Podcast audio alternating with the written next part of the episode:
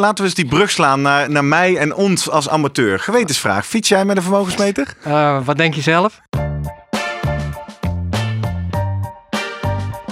Welkom bij de Slimmer Presteren podcast. Jouw wekelijkse kop koffie met wetenschapsjournalist Jurgen van Tevelen en ik, middle-aged man in Lycra, Gerrit Heikoop. Over sport, onderzoek en innovatie.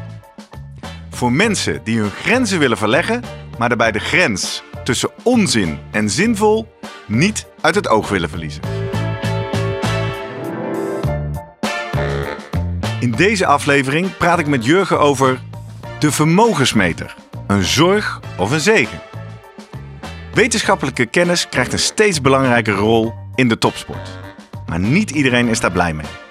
Wielerromantici menen dat dit hun sport voorspelbaar maakt en dat renners meer en meer machines worden die alleen nog maar afgaan op hun vermogensmeter. Maar is dat ook zo? Voordat we beginnen, nog even drie dingen om aan te denken als jij zelf ook slimmer wil presteren. Nummer 1. Druk nu gelijk even op abonneren, zodat je altijd direct in de gaten hebt wanneer er een nieuwe aflevering online komt. Nummer 2. Weet dat je Jurgen en mij ook kunt boeken voor jouw volgende bijeenkomst als spreker of presentator. Neem gerust eens contact met ons op via de contactgegevens hieronder. En 3. Deze podcast wordt geproduceerd en gesponsord door Live Online Events. Serieus goede content rondom jouw congres of event. Check www.loe.tv voor meer info.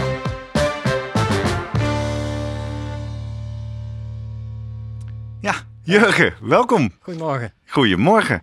Uh, de vermogensmeter. Jij schreef een uh, artikel in het uh, Wielrenblad, Klopt. editie november 2019.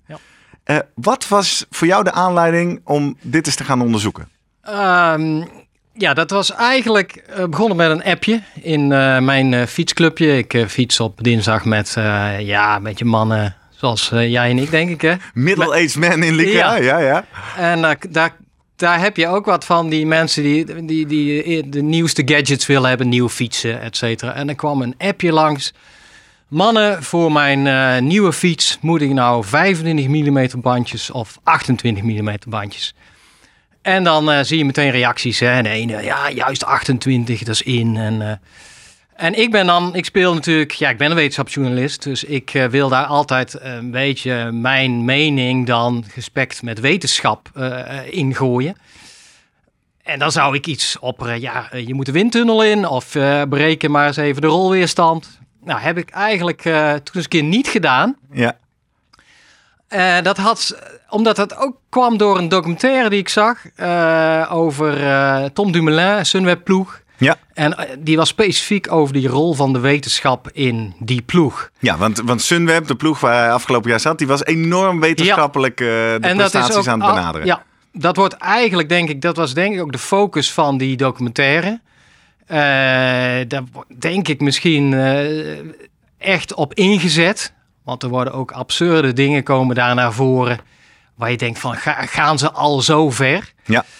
Maar aan de andere kant, uh, het was het rampjaar van Tom Dumoulin, dus hij viel. En dan denk je, ja, wat heb ik daar nog aan, die, aan al die wetenschap? Uh, Tom Dumoulin werd ook steeds wat chagrijniger als hem werd doorgevraagd van... ja, maar is dit niet een beetje, gaat dit niet te ver? En, en dan, dan spreekt hij zoiets uit van... ja, maar het gaat uiteindelijk om dat gevoel op de fiets. En dat kan je wetenschappelijk helemaal niet benaderen of meten... Dus daarmee doet hij eigenlijk ook die, die rol van de wetenschap in ieder geval bij hem, bij zijn manier van fietsen af. En toen dacht ik, ja, maar dit, dit is denk ik wel de basis waarop nog steeds gefietst wordt en waarop ik in ieder geval fiets en jij hoop ik ook. Ja. Uh, dus, dus, dus wat appte jij terug in je ik appgroepje? appte van, nou, uh, ga vooral op je gevoel af. Ja. En toen heb ik dat stuk geschreven eigenlijk om te pleiten voor meer gevoel en iets minder wetenschap. Zeker voor de recreant, en, uh, maar ook voor de, de fietsliefhebber die uh, naar de Tour de France zit te kijken en daar dan toch wel wordt doodgegooid af en toe met die, ja, met de, de, de, de, de zwartgalligen die zeggen, nou daar heb je die skybots weer die op hun De skybots, hè? Ja, ja, ja, het zijn, geen wielrenners, maar robots. En ja. zie, uh, zie Froome weer op zijn metertje kijken en uh, hij, hij weet precies wat hij moet trappen. Ik denk dat dat niet zo is. En dat heb ik ook aan de hand van... Nou ja, ik heb natuurlijk gesprekken eh, gehad met de coach van Dion Beukboom... tijdens dat Werelduurrecord... waar ik, uh, wat ik een jaar lang hem gevolgd heb. Ja, voor en gezien boek, eigenlijk het wat... maakbare uur. Ja, en gezien wat, waar ja, de, de, de, die vermogensmeter voor wordt ingezet. Ja. En wat ook wel ja, interessant is, is recent was ik bij een promotie van Teun van Erp. Die is bewegingswetenschapper en werkzaam bij de Sunweb-ploeg.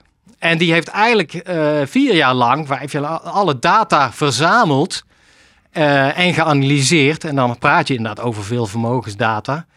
Nou, en wat daaruit komt is van, ja zeker, superhandig voor die profs. En uh, superhandig om te zien van, slaat de training aan... hoe zit het eigenlijk met de, de aerobe drempel, anaerobe tank, noem maar op. Maar de praktijk is eigenlijk van ja, uh, ze laten die renners ook uh, gewoon na de training, na de rit, gewoon invullen van hoe zwaar vond je het. En dan uh, blijkt dat gewoon prima overeen te komen eigenlijk met nou ja, het, het getrapte vermogen.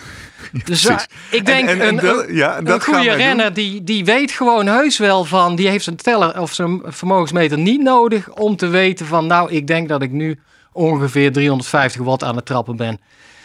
En dat, uh, ja, dus dat pleit er eigenlijk voor van, nou ja, uh, ik, vermogensmeter, denk na voordat je hem gaat aanschaffen. Ja.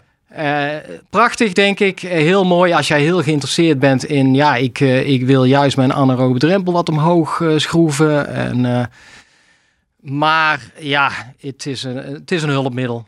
Nou, laten wij eens op zoek gaan, want onze belofte aan onze kijkers en luisteraars is: wij gaan op zoek naar de grens tussen zinvol en onzin. Ja. Uh, en en nou, in dit geval de vermogensmeter. Op dit moment train ik niet met een vermogensmeter. Ik heb er geen op mijn fiets, maar ik heb er wel over getwijfeld, hè, want je ziet en hoort er veel over. Laten we even helemaal bij het begin beginnen een vermogensmeter. Mensen die niet zoveel verstand hebben van wielrennen, dat niet hebben. Wat is dat eigenlijk? Het vermogen, uh, nou, vermogen is eigenlijk een super objectieve maat van de hoeveelheid energie die een, een renner, een eh, fietser weet te genereren per seconde. Ja. En, als, uh... en het is, uh, als je dat moet aanschaffen, het is namelijk, daarom vind ik het ook belangrijk dat we het hier eens over hebben. Het is nogal prijzig, hè? Ja. Ik heb vanmorgen nog even gegoogeld. Okay. Het begint ergens van een paar honderd euro bij de simpelste varianten tot uh, duizend euro ja. of meer. en en het, zit, het zijn vaak pedalen. Of het zit in je trapas. Ja. Het zijn eigenlijk gewoon hele dure betalen. Het zijn, ja, zeker. En dan is, vind ik ook nog, ik denk dat ze steeds beter worden. Maar wat je ook vaak ziet, ze moeten gecalibreerd worden of ze vallen weg. Of, uh, dat zelfs, ze vallen weg, dat de, de, de communicatie tussen ja. de trapper en de fietscomputer of valt uit. Het signaal is even onbetrouwbaar, wordt slecht gesampled, iets. En dat vond ik wel, kijk, bij, bij Beukenboom ook een keer, nou, prachtige training gehad. En toen uh, achteraf keken ze naar de vermogens en toen, uh, ja, mm, dit, dit, kan niet kloppen. was hij toch niet goed gecalibreerd? Ja, dan, dan kan je twee kanten op van jeetje, helemaal overnieuw doen zo'n training. Ja, nee, ook niet. Nee. Of dan toch maar denken, oké, okay, uh, ja, uh, vergeet dan uh, die vermogens maar even. En, en doe het dan, nou ja, kijk naar snelheid of rondetijden, zoals het vroeger ging. Ja. En dat is natuurlijk, kijk, het verschil is, snelheid werkt allemaal prima. Ja. Maar jij merkt ook, als jij wind tegen krijgt, wind mee, ja, maakt nog wat uit. Dan ja. maakt het allemaal. Dus om al die invloeden eigenlijk van die omstandigheden op snelheid een beetje uit te bannen, is vermogen is de meest objectieve maat. Ja, die want die levert wat en wat is een eenheid van energie. Ja. En dat is natuurlijk wat we met sporten aan Precies. het doen zijn, energie aan het leveren. Ja, en als jij in staat bent om heel efficiënt veel energie te leveren op die fiets, ja, dan, dan kun je eigenlijk uh, daarvan uitgaan dat jij uh, ook, uh, nou ja, wat jij uiteindelijk gaat trappen. Ja. je snelheid kan je dan ook berekenen. Beval, nou, Kijk, dat werelduurrecord is super simpel. Ja. Want dat is vlak. Maar dat is op een baan. Dat is binnen. Ja, is binnen, wind. geen wind, et cetera. Nee, ja, ja. En dan is het eigenlijk inderdaad een simpele formule van... ene kant vermogen wat een renner levert... tegenover dan de luchtweerstand. En dat is zijn grootste tegenstander. Nou, is gewoon een simpele formule invullen... en dan weet je eigenlijk precies van luchtweerstand... afhankelijk van nou, de omstandigheden, dichtheid van de lucht... zit je op hoogte, ja of nee... Uh, hoe is het weer? Ja. Uh, dus eigenlijk gewoon de, de barometerstand op dat moment. Um, en dan vul je die formule in en dan weet je eigenlijk precies met dit vermogen moet ik dit kunnen deze rijden. snelheid kunnen rijden. Ja. En dus voor het werelduurrecord kan ik in een uur deze afstand. Nou. En dat vind ik bij een tijdrit eh, lukt dat vaak ook. Ik heb, eh, ik heb goed contact wel met, met Guido Vroemen. Dus eh, ook een, eh, dat is een coach van, van wielrenners, sportarts. En waar die zijn hobby van maakt eigenlijk, is eh, op Twitter op de dag van een tijdrit eh, te voorspellen wat de, de eindtijd wordt van eh Dumoulin of van de toppers. En dat is eigenlijk gewoon ook simpel met die formule. Alleen dan moet je het parcours een beetje weten. Ja. Hoogteverschillen. En je kijkt naar de dag zelf, hoe staat de wind.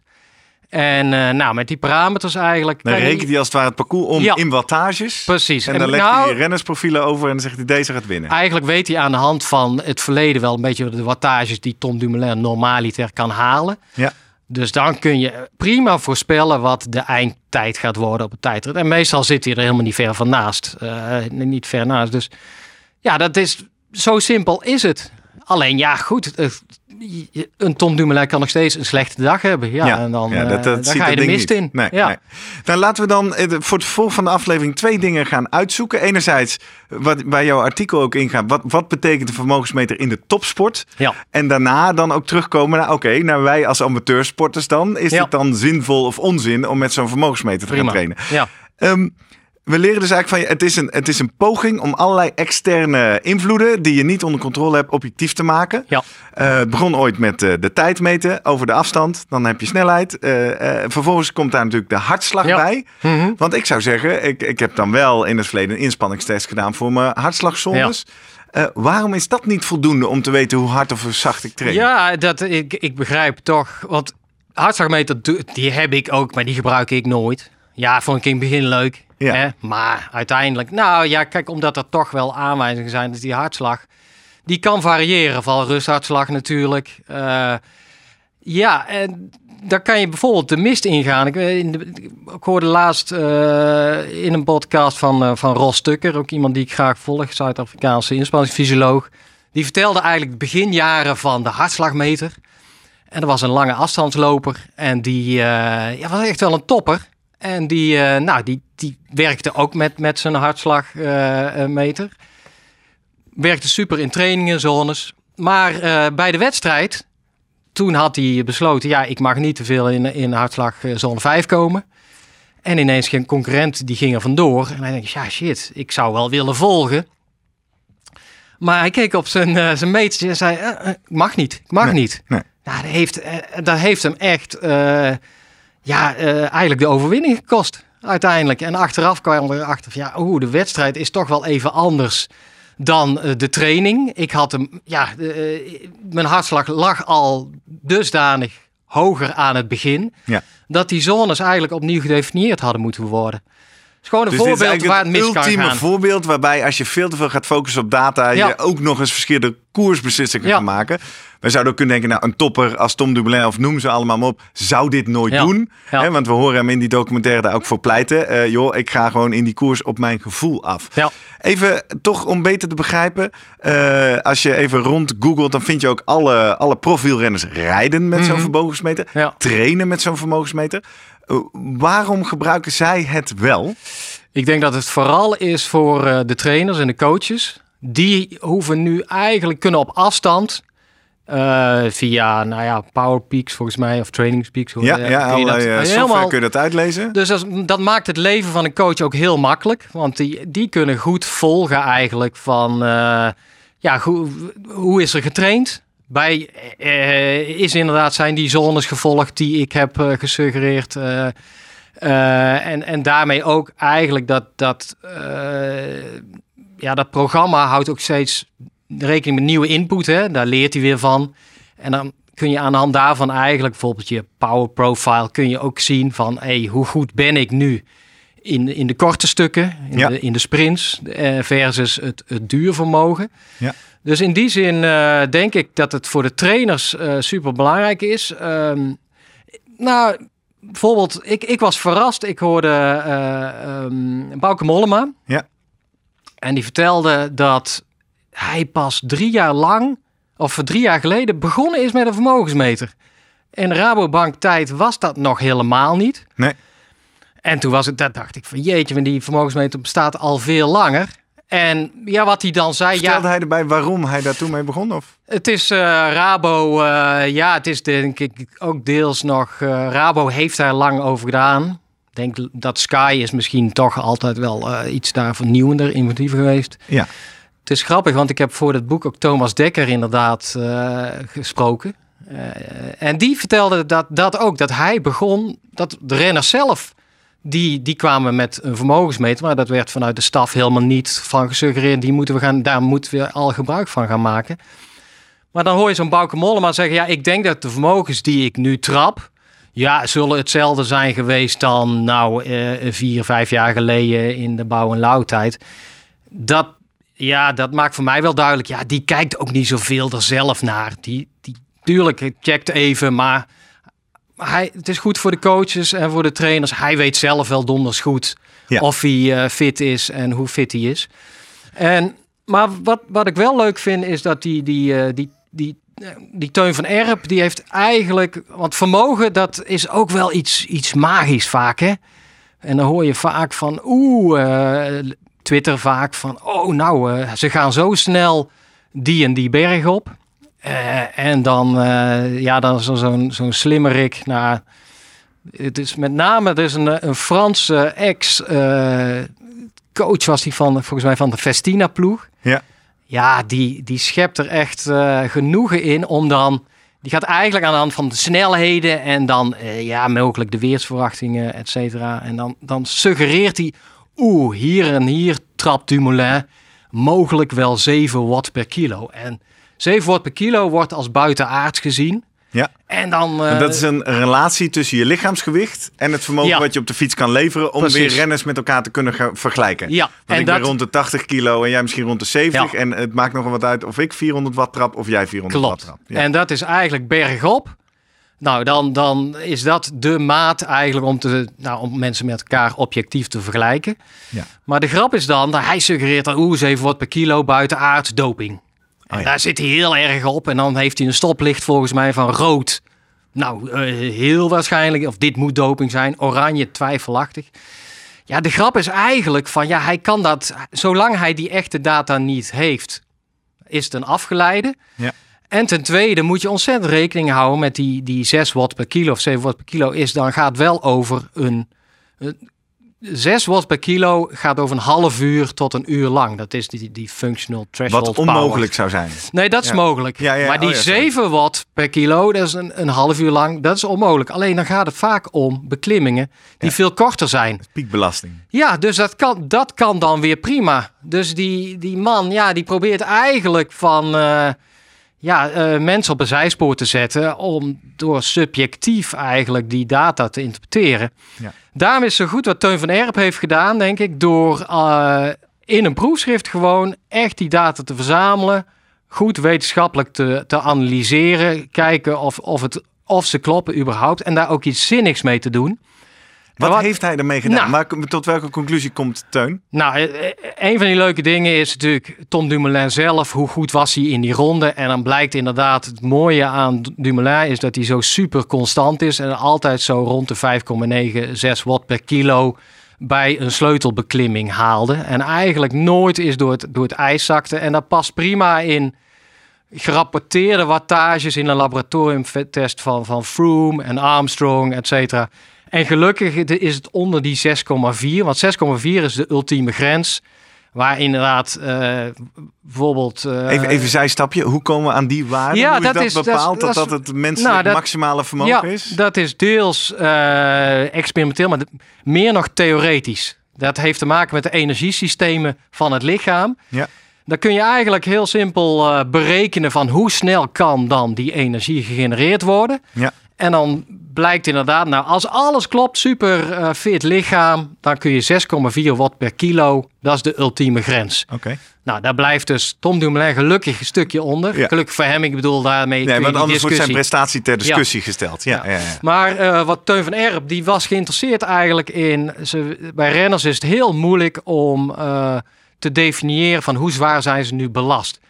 Kan ik dat zien aan de hartslag, vermogen, andere manieren. En dan heb je allemaal afgeleide. Hè? De, eh, de TSS, eh, Training Stress Score en de TRIMP. En noem maar op, dat doen al die programma's aan aandachtslag, ja. hartslag.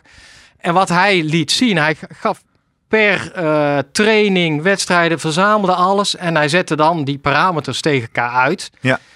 En wat ik interessant vond, is ja, dat als je kijkt naar uh, het getrapte vermogen of het energieverbruik, hoeveel kilojoule uiteindelijk tijdens een rittraining verbruikt is. En je zet dat uit tegen bijvoorbeeld een, een afgeleide van de hartslag. Prima, mooie correlatie. Ja. Uh, en, maar dat geldt ook voor die, uh, uh, de rate of perceived exertion. Ja, dat is een andere waarde. Hè? Als je mensen ja. gewoon na afloop van een wedstrijd of een training vraagt... hoe heftig vond je het Precies. op schaal van 1 tot 10? Ja. En dan, ja, 1 tot 10. Of, 1 tot 20. 6 ja. tot 20 is vaak. Ja, dat is de, de Borg scale of de afgeleide Borg scale. 6 tot 20 is ooit verzonnen. Omdat dat een beetje meegaat met de hartslag. Oh ja. Dus van 60 tot 200. Ja. Nou, en die renners, die moeten dat altijd gewoon invullen. Ja, en standaard procedure als je profrenner bent. En die ja. kunnen dat ook goed. Die weten, die weten dat verschil te maken tussen een, dit was een 14 of dit was een, een 17. Ja. En dan blijkt dat helemaal netjes ook te correleren met die vermogensmeteruitslagen. Kortom, eigenlijk zegt dat gevoel net zoveel als de meter. Ja. Ja, ehm, en dat dan ga in dat licht bezien, denk ik van ja, wat, wat die vermogensmeter. Ik snap wel dat Tom Dumoulin hem af en toe eh, afplakt of Ja, eh, ja. niet wil weten. Eh, Want ben- zijn gevoel, door al die vele uren training, door die analyse, Ja, is daar die- al goed genoeg op. die weet gewoon, oké, eh, mijn RPI, mijn eh, ervaren mate van inspanning is het eigenlijk. Ja. ja dit voelt als, voelt als 16, Ja, eh 17. Nou, dan, dan moet mijn vermogen zo rond de 400 liggen. ja. En daarom vond ik het wel, wel weer heel grappig wat, wat Jos van Emden een beetje zich zorgen over maakt in de, de Roland Taren podcast. ja. Over die Podcast die wij allebei graag beluisteren. Zeker, ja, ja, zeker. Ja, ja. Ehm, en dan, eh, hij spitste mijn oren toen hij ging op de, de nieuwe generatie, waarin hij zich zorgen maakte over, ja, kijken die niet te veel op die eh, vermogensmeter. Had hij een echt een prachtig, prachtig verhaal over een renner, jonge renner, die, die in het peloton allemaal brokken maakte. Ja, Tegen, tegen, mensen eh, val- aanfietsen ja, uit, de, uit de bocht Omdat vloog. hij alleen Ja. maar op zijn metertje keek. Ja, dat, dat is bijna hilarisch. Je ziet het zo voor je. Ehm, en dat die, die, die jongen had gezegd... nou, eh, ga nou maar eens een keer fietsen met die vermogensmeter zo in je achterzak. Ja. En dat die jongen eh, terugkwam bij hem. Ja, ik heb achteraf uitgelezen en ik rij nog eh, net, zo- net zo hard of net Ja. zoveel vermogen. Ja. Ja, dat, dat is natuurlijk eh, eh, een kwestie ook van leren. Ja, En dat doen we nog denken aan een, een studie. Pracht, vind ik ook een hele mooie illustratieve studie. In Groningen gedaan, universiteit. Twee eh, groepen renners, eh, goed, redelijk goed getraind, amateurs. Ja. Eh, en die hadden ze nou, naar het lab laten komen en gezegd: de ene groep, jongens, jullie gaan 20 kilometer fietsen, ergometer. Alleen je krijgt nul informatie. Dus die gewoon, ga op die fiets 20 kilometer. Andere groep kreeg alle informatie die ze wilden. Van, nou, hoe ver moet ik nog? Hoe hard ga ik? Mijn vermogen, hartslag. Nou, konden ze helemaal kiezen. En wat bleek na afloop van die 20 kilometer? Ze deden er allebei net zo lang over, die groepen. oké. Kortom, zo'n, als je goed getraind bent, weet jij precies van, ah, het is 20 kilometer. Ja. Hoe Dit- je jezelf eigenlijk moet indelen en pacen om goed aan de finish te En komen. dit vermogen kan ik trappen. Dit hou ik, nou ja, een half Zo uurtje vol. Ja, En daar heb je heel die meter niet voor nodig. Dus ook een kwestie van ervaring. Dus ik, ik snap dat zo'n jongeling, jonge renner misschien daar eh, heel erg op gespitst is. Een beetje, ja, door, door, doordat hij van anderen hoort van, ja, je moet, wat is je vermogen, zus en zo. ja. Maar ik denk, als je, nou ja, vergelijk dat is met Bauke Mollema en zo, hoe die ermee omgaat, dan denk ik, ja, goed, als jij gewoon eh, daarin getraind raakt. En een beetje, denk ik, Maar die rol van. getraind raken, daarvan zou je kunnen zeggen dat is wel een toepassingsgebied. Je zegt dus nu eigenlijk, het, het wordt in het profpeloton erg gebruikt om achteraf te analyseren, met Ja. name door derden. Je kan het goed gebruiken om prestaties van mensen onderling met elkaar te kunnen Zeker. vergelijken. Ja. Uh, jij hebt mij wel eens verteld, je hebt voor je boek Dion Beukenboom ge gevolgd op zijn reis naar het werelduurrecord. En jij zei ook, die werd erop geselecteerd. Hè? Dat is ook iets wat, wat ons wel vertelt in die podcast. Dat nu dus jonge renners ja. uh, worden geselecteerd op basis van wat hun wattage ja, is. Ja, omdat dat dus de, de meest objectieve maat is van nou ja, hoe hard iemand kan trappen. Ja. En dat is natuurlijk in potentie, als je iemand hebt die een hoog vermogen weet te halen, uh, dan is dat uh, ja, een prima uh, selectiemaat. En vooral als je daar nog aan kan schaven. Hè? Ja. En dat is eigenlijk. Het zegt iets over fysiologisch talent. Ja. ja. En dat. Ehm, en, en, en vooral als je dan ook nog, als hij iets te zwaar is, dan kan je nog wat van die kilo's afhalen. Ja. Dat is ook een beetje waar, waar Sky op een gegeven moment zich, de Sky-ploeg, ja, groot mee geworden is. Lijkt erop dat zij tijdrijders een beetje selecteerden de Wiggins, uh, nou, Froome een beetje. En dan gedacht, oké, wat, wat, wat is in potentie het vermogen wat ze kunnen trappen? Oké, nou, en dan halen we er nog vijf of tien kilo af op de manieren zoals ze dat gedaan hebben. Ja, daar kunnen we ook nog een keer een podcast over hebben. precies.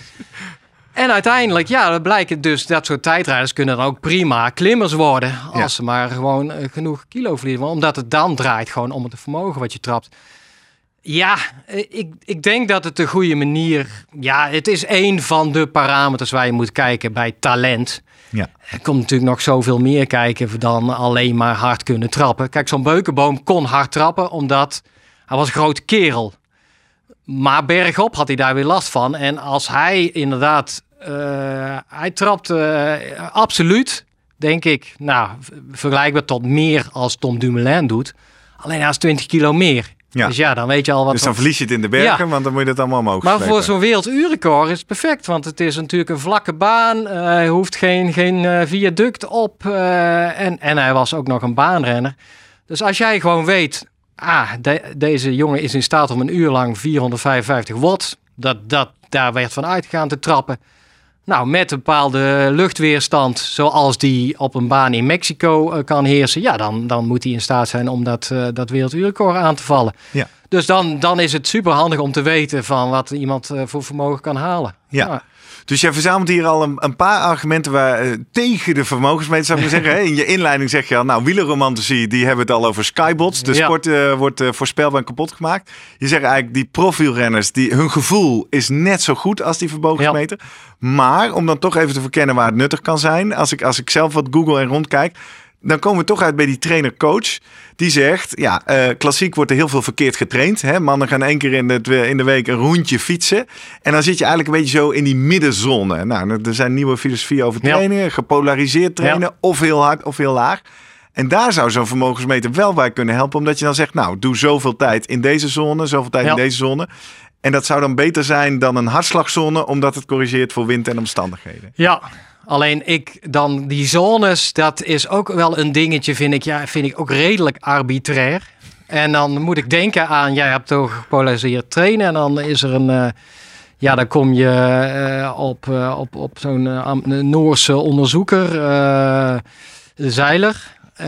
en die, ja, wat die toen, die, dat is eigenlijk de koning van gepolariseerd trainen. Ik weet niet of jij weet ongeveer. Uh, ja, nou, misschien hij, voor onze kijkers en luisteraars die dat niet ja. weten. Dat, ja, dan leg ik het zo goed uit. Je doet veel werk in een laag, eigenlijk relatief langzaam ja. en lage zone.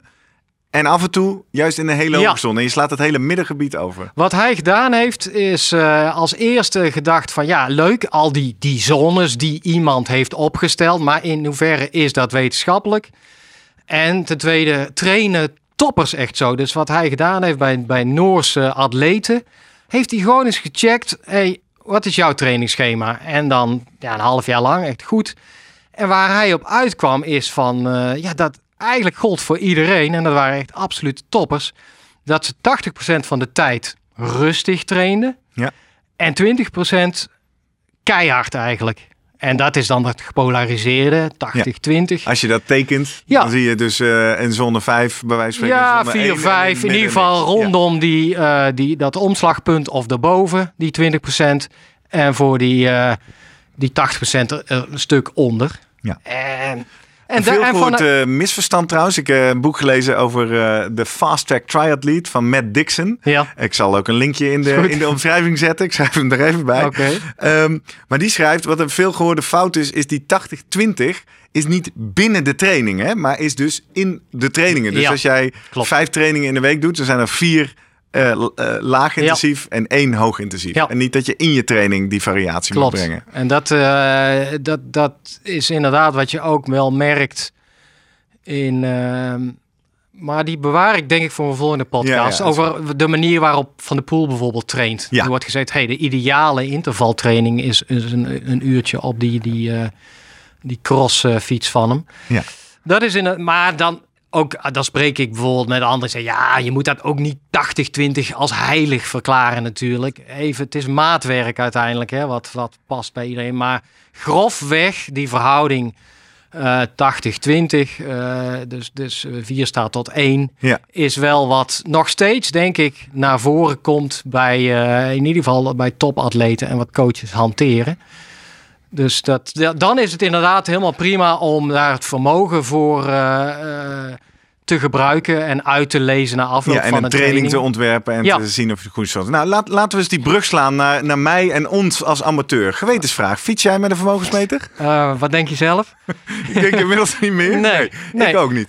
Ehm, eh, maar ja, een vermogensmeter als amateur, als, als middle-aged man in Lycra, is dat nou onzin? Durven we hem zo scherp te zeggen? Ja, nou, jij, mag, jij mag doen wat je wil. Ja. En ik ga natuurlijk niet, eh, ja, om nou... Ik, denk dat reacties zullen zeker komen als ik Nou, hier dat, dat onzin... laten we bij deze iedereen Ja. die kijkt en luistert Nou, uitnodigen. ik- Eh, ik denk- Als jij met een vermogensmeter fietst, laat ons dan Ja. vooral weten waarom. Ze hebben we een blinde Ja. vlek. Nou, ik denk voor ons niveau, eh mammals, dan durf ik hier te poneren te zeggen, ja, onzin. Ja, steek die duizend euro maar in iets anders. En, en gebruik gewoon lekker je gevoel. Misschien is het dan leuk om gewoon, ga eens na afloop van je ritten ook die, eh, dat, de ervaren mate van inspanning Invullen. eens noteren. Ja. Met daarbij vaak van hoe lang de duur van de inspanning. Nou, en, en kijk of je daar een, eh, een patroon in ziet uiteindelijk. Eh, op Strava volgens mij kun je tegenwoordig ook nog erbij zetten. En, nou, en, en als je dan op een gegeven moment denkt, nou, ik blijf toch een beetje hangen in, ja, bij mijn, bij mijn langere intervallen van, Ja, kom ik niet ik, ik boven word niet die. sneller, ik kom Ja. niet verder, ik word niet mooi, ik verbeter niet. Hè? Nee, precies. Wa- wa- wat dan? Wat Ja, kan ik dan, doen denk met ik die dat- data? Ja, dan zou, je, dan zou het interessant zijn van om eens een keer een, een eh, ja, zo'n eh, zo'n FTP-test. Om eens te kijken wat trap je 20 minuten lang, wat, wat is, ligt jouw vermogen. En dan met een vermogensmeter. Ja. En dan gericht gaan trainen. En dan kan je aan de hand, er zijn boeken, internet, noem maar op. Eh, Training Peak zal ook allerlei suggesties geven. En dan eens even spelen of je dat terugziet een half jaar later als jij weer zo'n FTP-test gaat doen.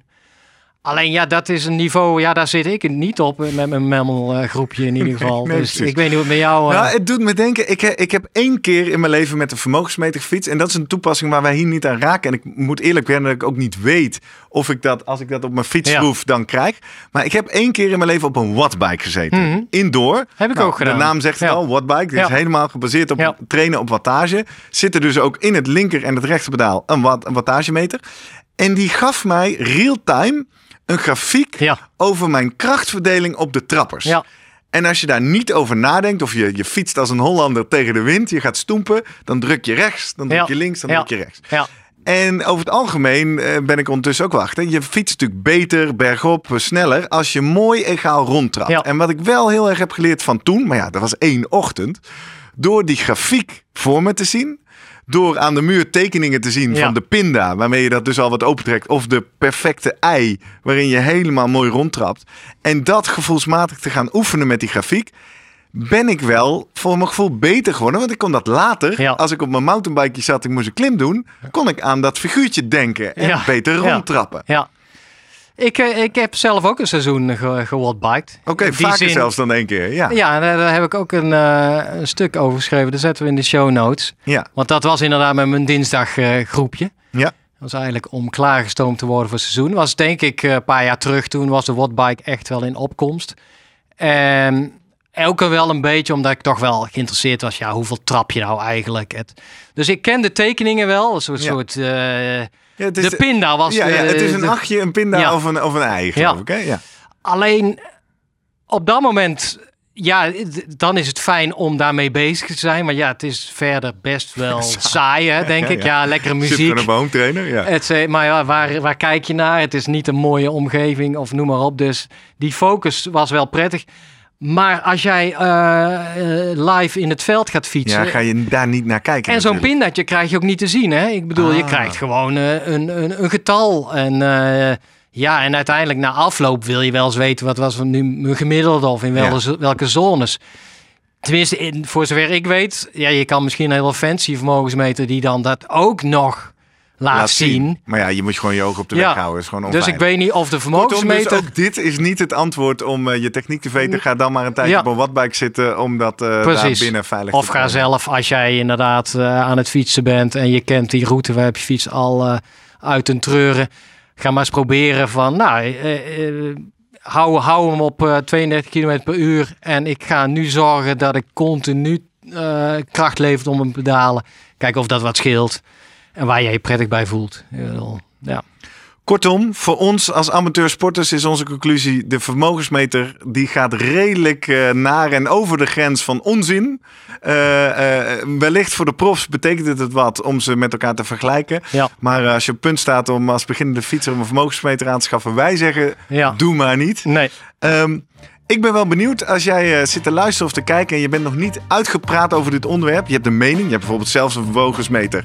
En ja, je wilt natuurlijk altijd je eigen gelijk bewijzen. Dus jij hebt hele goede redenen waarom je wel zou moeten investeren in zo'n apparaat. Laat het ons hieronder meteen weten.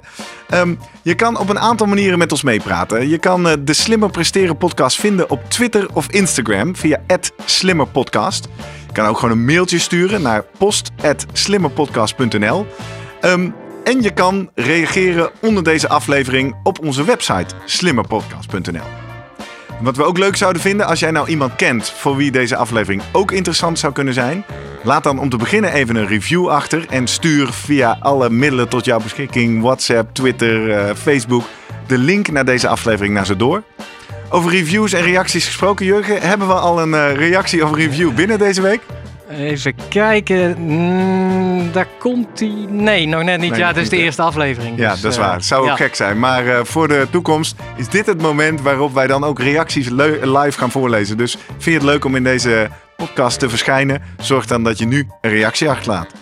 Tot zover, Jurgen. Dankjewel. Tot Kijk, volgende week.